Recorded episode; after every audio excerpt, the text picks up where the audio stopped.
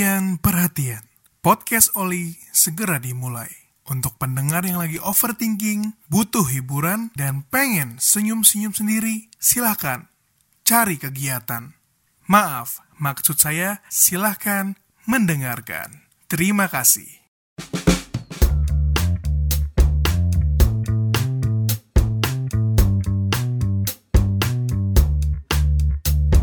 Halo semuanya, selamat datang di podcast Oli Obrolan Laki-Laki yang bergenre setengah komedi. Masih dengan gue Jordan yang sekarang sendirian. Apa kabar semuanya? Semoga lo semua dalam keadaan yang baik-baik aja Di tengah virus zombie yang baru muncul. Ya ampun. Gue baru baca berita dari Inviafact Katanya, virus zombie berusia 48 ribu tahun yang membeku di bawah danau Muncul kembali mengancam dunia. Virus itu ditemukan di wilayah Siberia, Rusia. Dan tim peneliti bilang kalau virus zombie ini dapat berbahaya bagi manusia Kenapa ya ribet banget itu hidupnya peneliti? Ampe virus yang udah membuku di bawah danau dimunculin lagi. Apa emang para peneliti lagi pada cari muka gitu? Atau lagi kejar bonus? Jadi info ini disebarluaskan biar orang-orang ketakutan yang ujungnya orang harus divaksin anti zombie dan yang punya vaksinnya adalah negara-negara tertentu. Hmm, apakah itu tujuannya? Atau tujuannya biar bisa beli senjata buat bunuh zombie kayak di film-film? Lama-lama ya, bener deh. Semua yang di film-film itu bakal kejadian. Bisa tiba-tiba ada virus zombie, gimana coba? Tapi ya, mau gimana lagi? Kalau emang itu terjadi, kita sebagai rakyat biasa paling cuma bisa protes lewat Twitter. Ya gak sih? Abis itu tinggal tunggu deh wajib vaksin. Ya elah. Disuntik lagi aja lemas. Bentar lagi udah ada zombie guys. Hati-hati. Jadi mending kita di rumah aja gitu. Bercocok tanam. Ya elah. Oke itu aja untuk cerita di minggu ini. Seperti biasa, kalau ada tebak-tebakan, ada topik yang main dibahas, dan main cerita, langsung aja DM ke Instagramnya Podcast Oli di @podcast.oli. Oh iya, gue juga pengen bikin konten di TikToknya Podcast Oli. Jadi kalau ada ide, boleh dong info gue. Mau dibikinin konten apa TikTok. Gue tunggu ya. Kita lanjut ke topik utama kita yaitu nemenin temen Tinder date. Siapin cemilannya, jangan ke mana-mana, share ke teman-temannya, dan tetap dengerin Podcast Oli.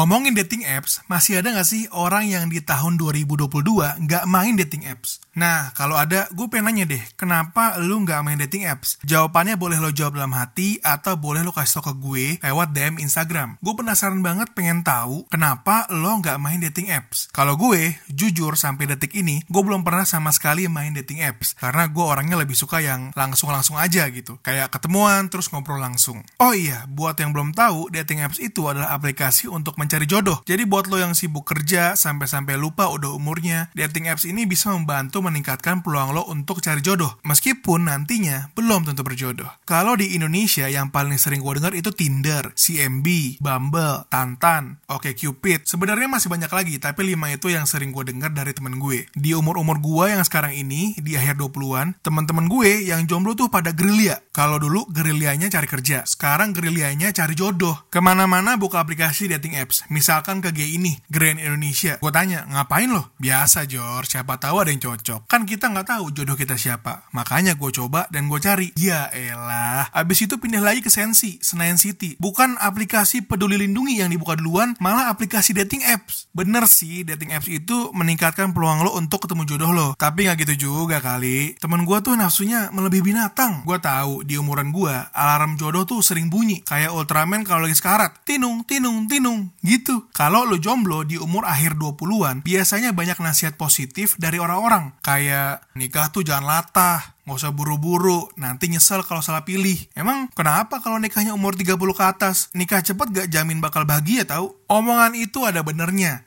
Tapi kalau dipikir-pikir, apa lo kuat bertahan sendirian lebih lama lagi? Ketika semua orang di circle pertemanan lo udah pada gendong bayi, yang diomongin udah beda. Kayak vendor pernikahan, sekolah anak, susu anak, ajak anak liburan, cari rumah, gimana caranya cari duit yang banyak buat tabungan anak, kayak yang gue alamin sekarang nih. Hampir semua temen gue udah pada berkeluarga, ada yang belum, tapi udah pada punya pasangan. Otomatis kalau ngumpul obrolannya beda dong. Gue masih ngobrolin band Valentina, sedangkan teman-teman gue ngobrolin mau nikah di mana. Ya elah. Mungkin hal-hal kayak gini yang diantisipasi sama teman-teman gue waktu itu. Jadi daripada nggak bisa relate sama apa yang diobrolin satu circle, terus udah umurnya juga buat mulai membangun keluarga, mending dari sekarang gerilya cari jodoh di mana aja. Kayak teman gue yang satu ini. Teman gue ini cowok dan udah berumur 29 tahun. Dan bisa dibilang orangnya tuh ngikut aja dan apa-apa terserah. Misalkan kalau ditanya, mau jalan ke mana? Dia jawabnya, nggak tahu, gue ikut aja. Terus kalau ngumpul, datangnya satu atau dua jam setelah jam yang ditentuin. Misalkan janjian jam 7 malam, datangnya jam 9 malam. Udah itu nungguin orang nggak mau, maunya ditungguin. Ada satu lagi yang aneh, kalau nggak ada gua, dia nggak mau pergi. Aneh kan? Gua dijadiin tameng lemas. Nah, satu hari, gue inget banget itu hari Minggu. Gue jarang banget nongkrong sama teman gua tuh di hari Minggu. Hari Minggu tuh buat keluarga atau sama orang yang spesial. Jadi teman gue ini tiba-tiba hubungin gue di hari Minggu. Telepon kan. Jor,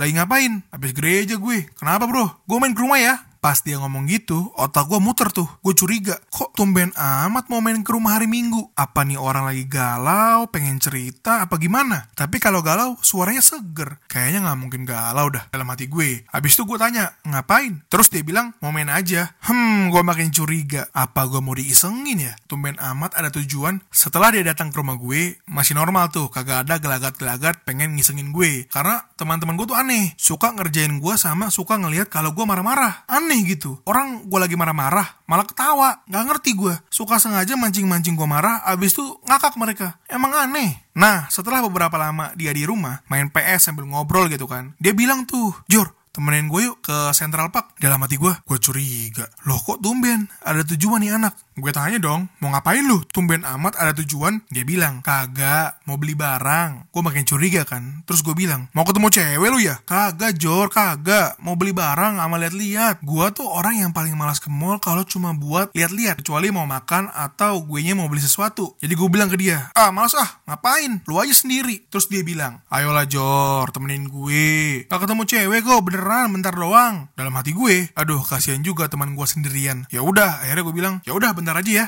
Males gue, jangan lama-lama. Berangkatlah gue, pakai mobil temen gue. Pas di jalan ada yang nelpon tuh. Gue denger suara cewek. Temen gue cuma bilang, iya, iya, bentar lagi nyampe. Tungguin ya. Lah, lah, lah. Dalam hati gue, kok ada yang nunggu? Bang, saat gue dikerjain nih. Langsung gue tekan temen gue, gue bilang ke dia. Eh anjing, jujur lu ya, mau ngapain nih? Mau ketemu cewek lu ya? Ngapain aja gue bangsat kalau ketemu cewek? Temen gue masih bohong. Dia bilang, kagak Jor, sekalian. Tapi gue gak janjian. Hmm, Hmm, apakah saya sebodoh itu adik-adik? Kagak Jor, sekalian. Tapi gue nggak janjian. Lah, gimana cerita kocak? Sekalian tapi nggak janjian. Abis itu gue marah-marahin temen gue kan. Kayak, ah, anjing banyak bohong lu ya bangsat. Jadi orang tukang bohong lu, nggak ada hatinya lu. Itu kan gue marah kan. Lu tahu nggak apa respon temen gue? Dia malah ngakak, aneh. Dia malah ngakak nggak berhenti gitu. Nggak, maksud gue orang tuh kalau dimarahin ngerasa bersalah gitu kan. Gak enak sama temen gue nih. Ini kagak malah ngakak. Terus dia bilang Jor Jor kalau nggak gitu lu mana mau keluar Jor. Abis itu dia ngakak lagi. Lemas lemas. Dikerjain lagi aja anjing anjing. Dah abis itu gue lemes kan. Terus gue bilang bentar aja ya tolonglah. Please. Tapi dalam hati gue loh loh loh kok jadi gue minta tolong. Lemas lemas lagi-lagi dijebak. Ya udah setelah itu gue sampai di Central Park. Dan bener ada cewek yang nunggu. Ceweknya nunggu di Krispy Kreme. Gue udah kebayang gue akan melihat kejijian di depan mata gue. Dan bener itu terjadi. Pernah gak sih lu denger suara cewek yang sok diimut-imutin? Nah itu yang pertama kali gue denger. Halo kak, salam kenal, aku Mawar. Dalam hati gue, pan sih anjing, biar first impression lu bagus gitu. Tapi kok jadi emosi gue, kan bukan sama gue. Sabar Jor, sabar. Nah habis itu, kejijian kedua. Gue dengerin dua orang itu bercakap-cakap manja. Kamu udah makan belum?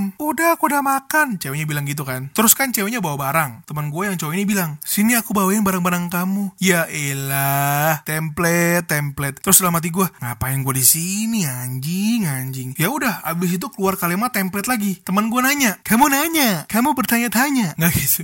Nggak gitu nggak gitu. Teman gue tanya kamu mau makan apa? Ceweknya bilang terserah kamu aja. Aku kan udah makan. Lah kalau udah makan ngapain ngajak ketemuan anjing. Tapi itu dalam hati gue kan dalam hati gue akhirnya teman gue nanya gue nih mau makan apa Jor? Dia nanya gue kan. Terserah lu gue mau ikut aja. Gue udah kesel tuh kan kayak ngapain gue di situ? Maksud gue kalau lu mau ketemuan berduaan, ya berduaan aja. Ngapain ngajak gue? Ini tuh diibaratkan kayak lo mau beli iPhone second COD. Tapi karena lo takut zong, takut dirampok, takut diapa-apain, lo ajak abang-abangan. Yang fungsinya cuma duduk, diem, pasang muka serem, pelangap-pelongo, dan lindungin lo kalau terjadi apa-apa. Nah itu gue kemarin gitu. Why gitu, kayak ngapain gitu loh Akhirnya kita bertiga makan di Marugame Udon. Dan bodohnya gue adalah gue ngantri di belakang mereka. Harusnya gue duluan aja. Jadi gue ngeliat lagi hal-hal yang menjijikan. Kayak, kamu mau apa? Enggak, aku udah makan. Dikit aja nggak apa-apa, masa nggak mau? Enggak, aku udah makan. Aku duduk duluan ya. Dalam hati gue, iu geli. Tapi gue juga begitu. ya udah, akhirnya tiba pada waktu pembayaran. Kan kalau Marugame Udon kayak warteg ya. Jadi kita pilih dulu apa makanan kita, terus minumannya, baru di akhir kita bayar. Nah pas bayar, teman gue lewat aja tuh. Kagak ada nengok-nengok ke belakang, langsung duduk ke meja ceweknya. Enggak, Maksud gue adalah basa-basi dikit ya kan. Gue gak minta dibayarin. Tapi ada kali etika dikit kayak bareng gue aja Jor. Meskipun abis itu gue bakal tolak tawarannya. Ini mah tak ada. Yang penting betina.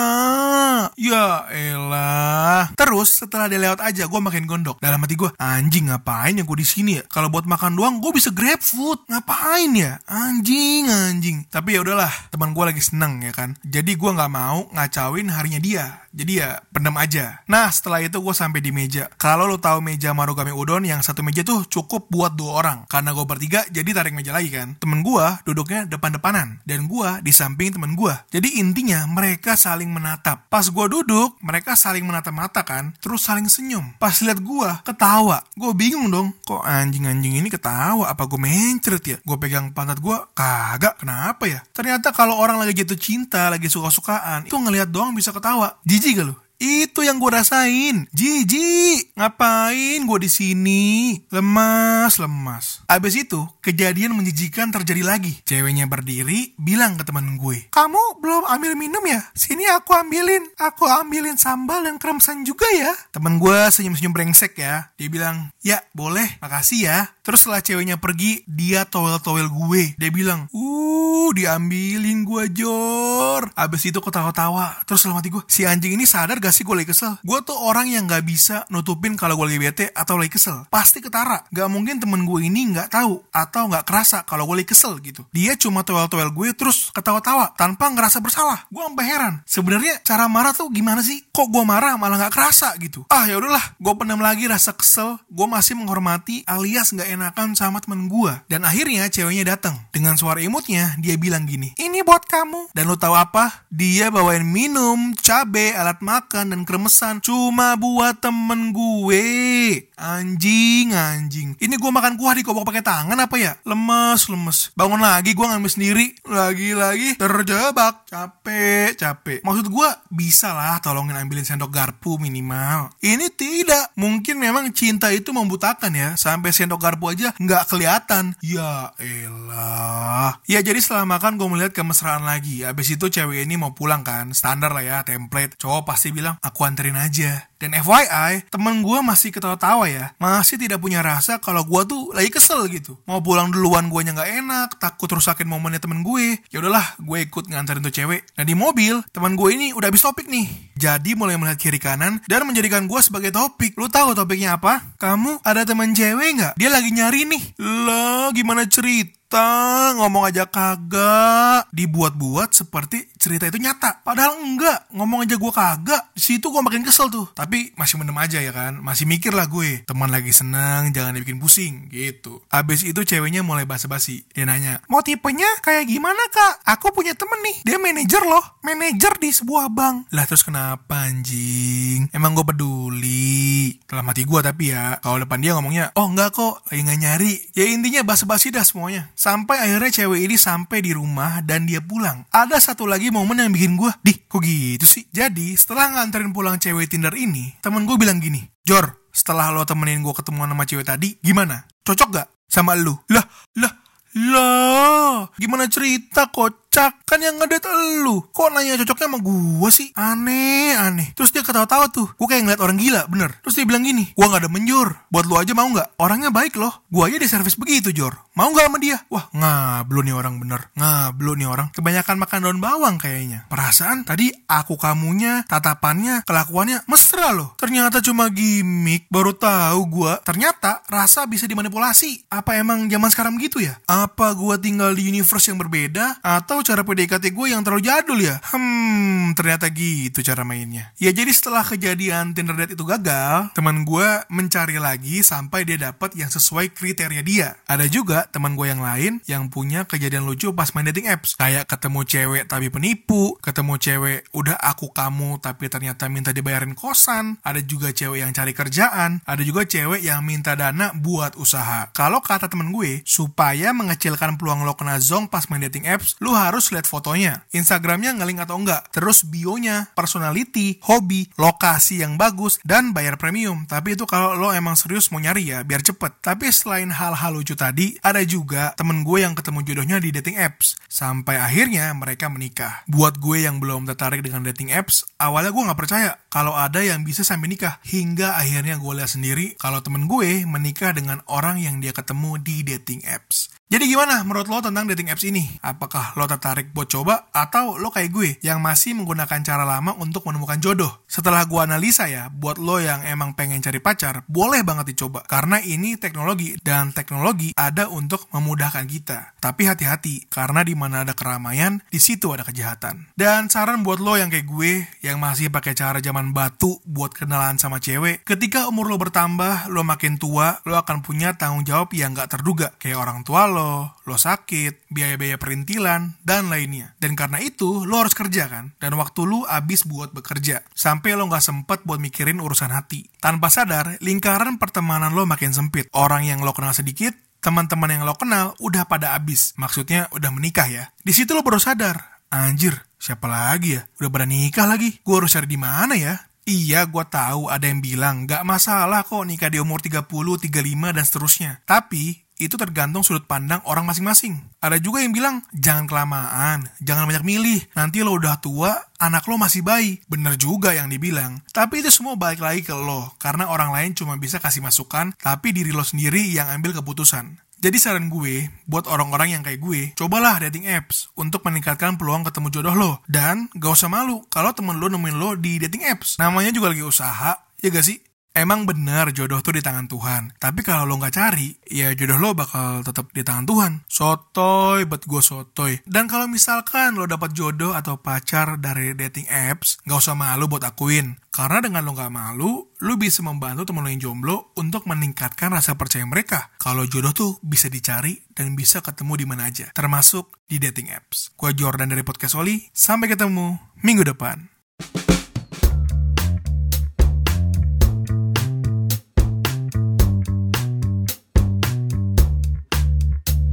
Halo semuanya, terima kasih banyak udah dengerin sampai habis. Ada tambahan dikit, season ini gue mungkin bakal sendirian terus podcastnya. Dan di season yang kedua, tema podcast Wali adalah Full of Love. Gue bakal banyak bahas tentang perasaan dan percintaan, tapi ala podcast Oli. Tidak sedih-sedih, tapi dengan setengah komedi. Jadi stay tune terus di podcast Oli setiap minggunya. Tanyain atau omelin aja kalau podcast Oli nggak upload tiap minggu, biar gue makin rajin uploadnya. Dan kalau ada yang mau ngasih saran, cerita, mau berpendapat, mau ngasih tebakan, mau ngirim salam ke mantannya, boleh banget langsung DM ke Instagram at podcast.oli atau at jordankvos. Dan gue akan bahas di episode selanjutnya kalau kalian mengizinkan. Sekali lagi jangan lupa di-share ke teman-temannya siapa tahu mereka membutuhkan. Dan boleh banget di follow, di komen, dikasih rating podcast Oli di platform podcast atau sosial media kesayanganmu. Gue Jordan pamit, kalau nggak Oli, hmm, lemas.